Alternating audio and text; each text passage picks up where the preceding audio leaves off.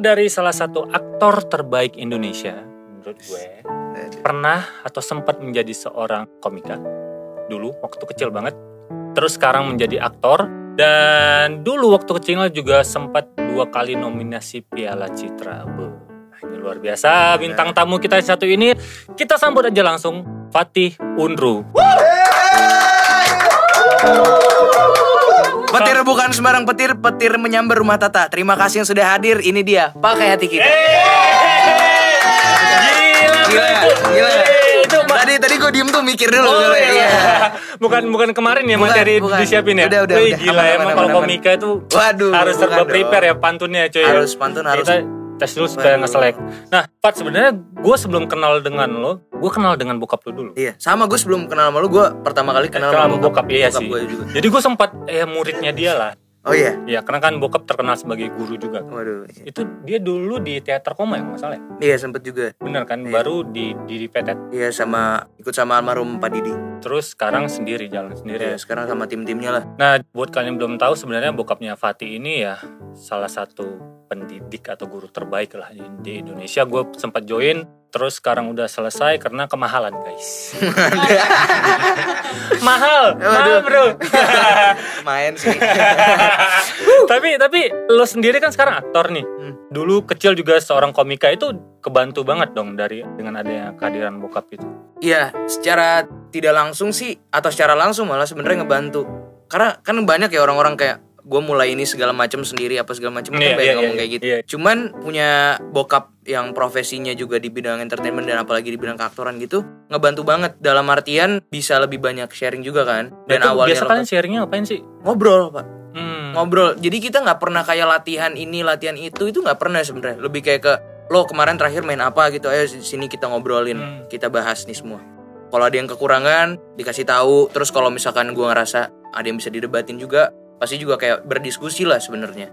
Lebih kayak gitu belajarnya. Bedah skrip enak banget dong berarti lu di rumah doang ya? Iya. Lu pernah nggak misalnya satu project nih Hmm. film series terus bokap yang acting coachnya gitu? Pernah pernah. Mana pernah satu frame acting coachnya bokap juga. Itu di rumah gimana dong? Oh, di rumah wah kerjanya Sini, baca pap- skrip mulu gitu. papa review dulu tadi Duh, acting kamu aduh. kurang banget nih gitu.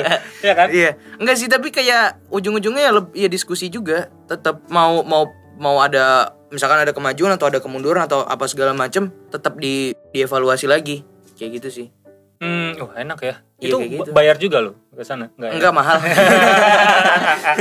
nah kita ngomongin yang waktu kecil deh itu Iya. lu umur suci tiga ya awalnya itu suci kan tiga, suci tiga. nah sebelum itu gue gue pernah denger bokap nge-set up stage buat lo Hmm. untuk stand up dan ditonton oleh Mbak Nia pada saat itu itu, itu benar Se- Iya. sebelum lo ditawarin untuk main, Main film. film Oh iya, bener-bener. itu sebelum suci dong berarti Sebelum suci. ya sebelum, sebelum suci tiga iya. itu lo menjadi bintang tamu kan Iya. nah itu kenapa bokap lo ini ini anak ini anak kayaknya lucu deh gitu kali ya lo kan emang dulu kan imut buntel.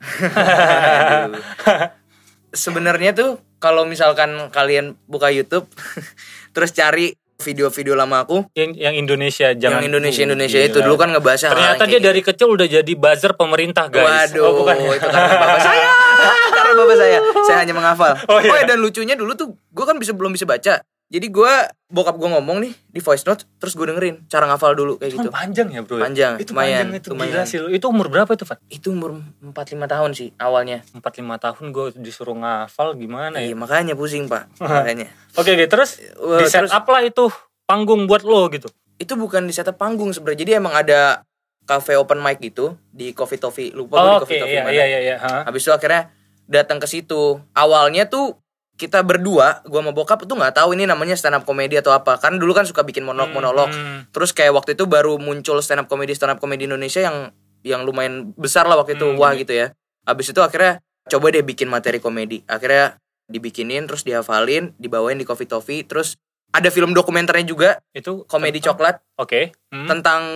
Jadi kan dulu gua tuh nih jadi ke mana-mana ceritanya. nggak apa-apa Nggak apa ya? iya kita tiga jam di sini pokoknya Waduh. studionya gratis kok ini.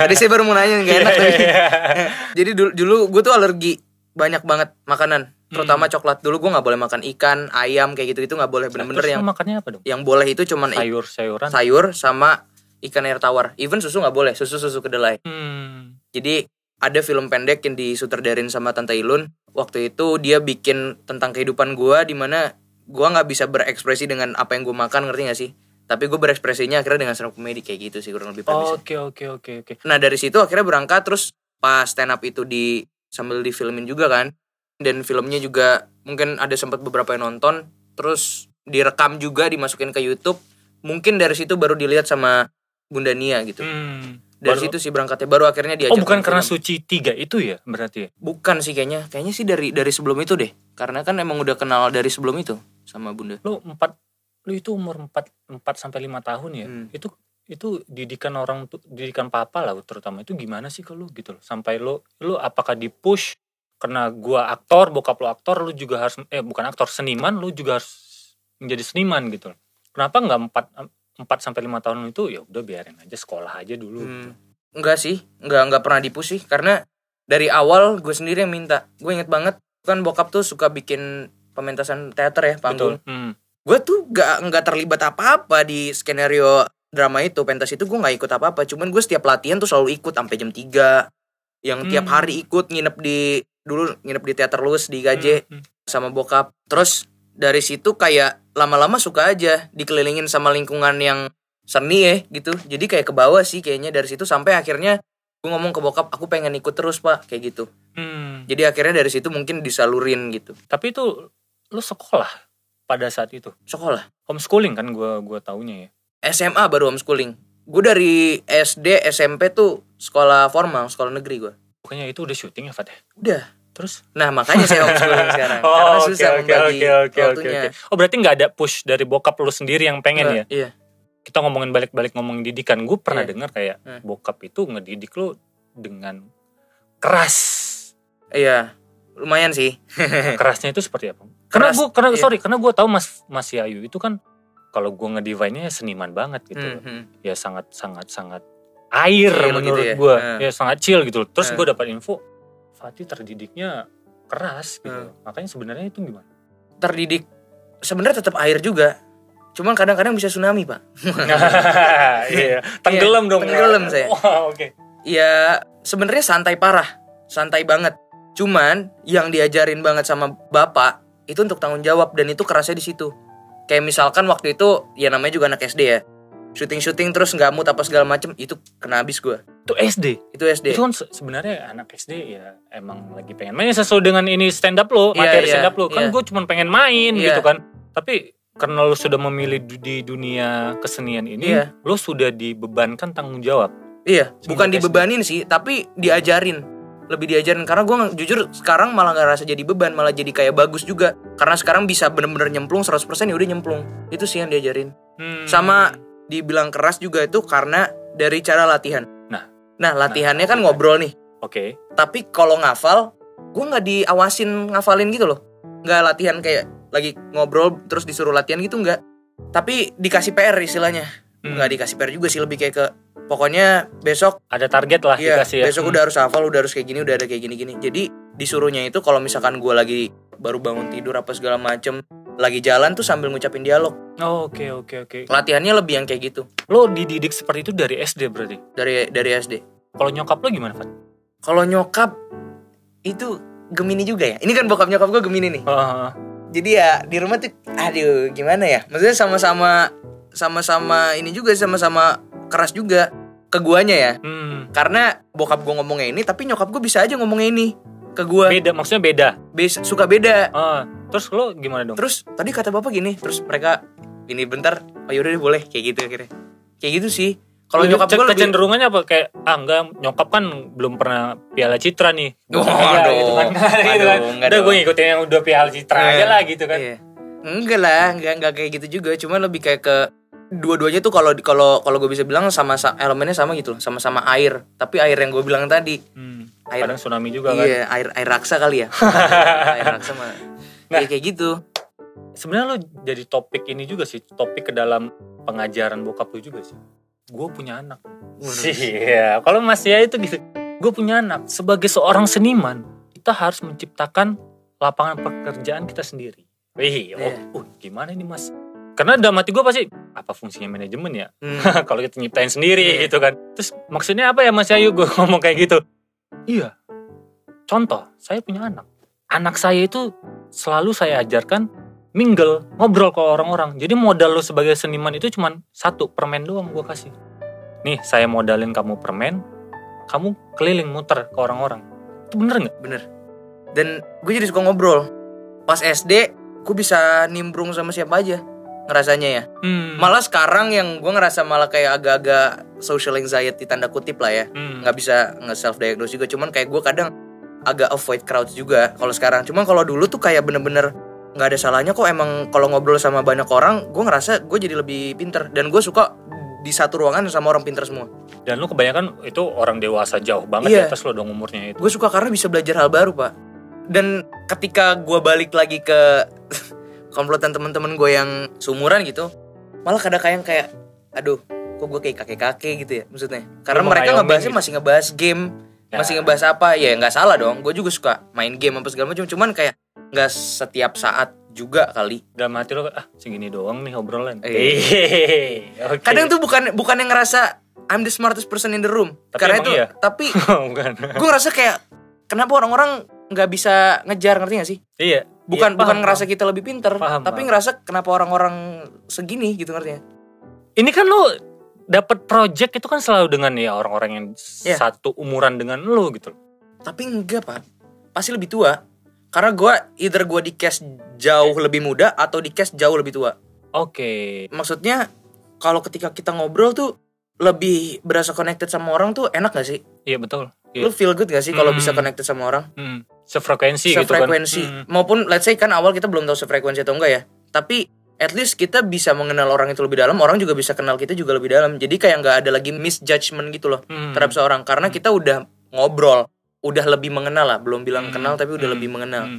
kayak gitu makanya ngobrol tuh hal yang paling asik dan bisa bikin kita tuh jadi recharge dan kita jadi lebih kaya pak Hmm. Itu lo sudah menemukan lingkungan seperti itu sekarang di umur 17 oh udah udah banget gue dari kecil kan nongkrong sama teman-teman bokap gue Nah itu berarti Iya. Sepantaran lu nggak ada dong. Iya makanya dulu tuh kayak sosok paham aja. kayak ngebahas apa, nge- lagi ngebahas acting, lagi ngebahas, ngebahas pertunjukan apa, gue kayak iya iya iya iya. Dulu gue nggak paham, tapi sekarang gue akhirnya baru paham. Oh dulu ini maksudnya. Dan Hmm. sekarang kepake banget di lingkungan kerja gitu ya. Kayak gitu sih. Tapi pemain yang lain juga keren-keren lah. Ya, keren banget. Gue ngefans banget sama Pangeran Lantang dan halo semua, gue Anggo Yunanda. Aduh. Oke. Gitu. Oke siap. Iya. Fatih Yes. dengan pemikiran yang jauh lah di umuran lo sekarang. Lo berarti setiap masuk ke lingkungan baru itu struggle dong. Hmm, depends. Karena kalau sekarang menurut gue bergaul adalah bagian dari pekerjaan sih. Betul. Jadi mengkesampingkan masuk atau enggak, bukannya gue ngajarin atau gue bilang kita harus ngejilat orang Hmm, atau kayak hmm. gimana enggak.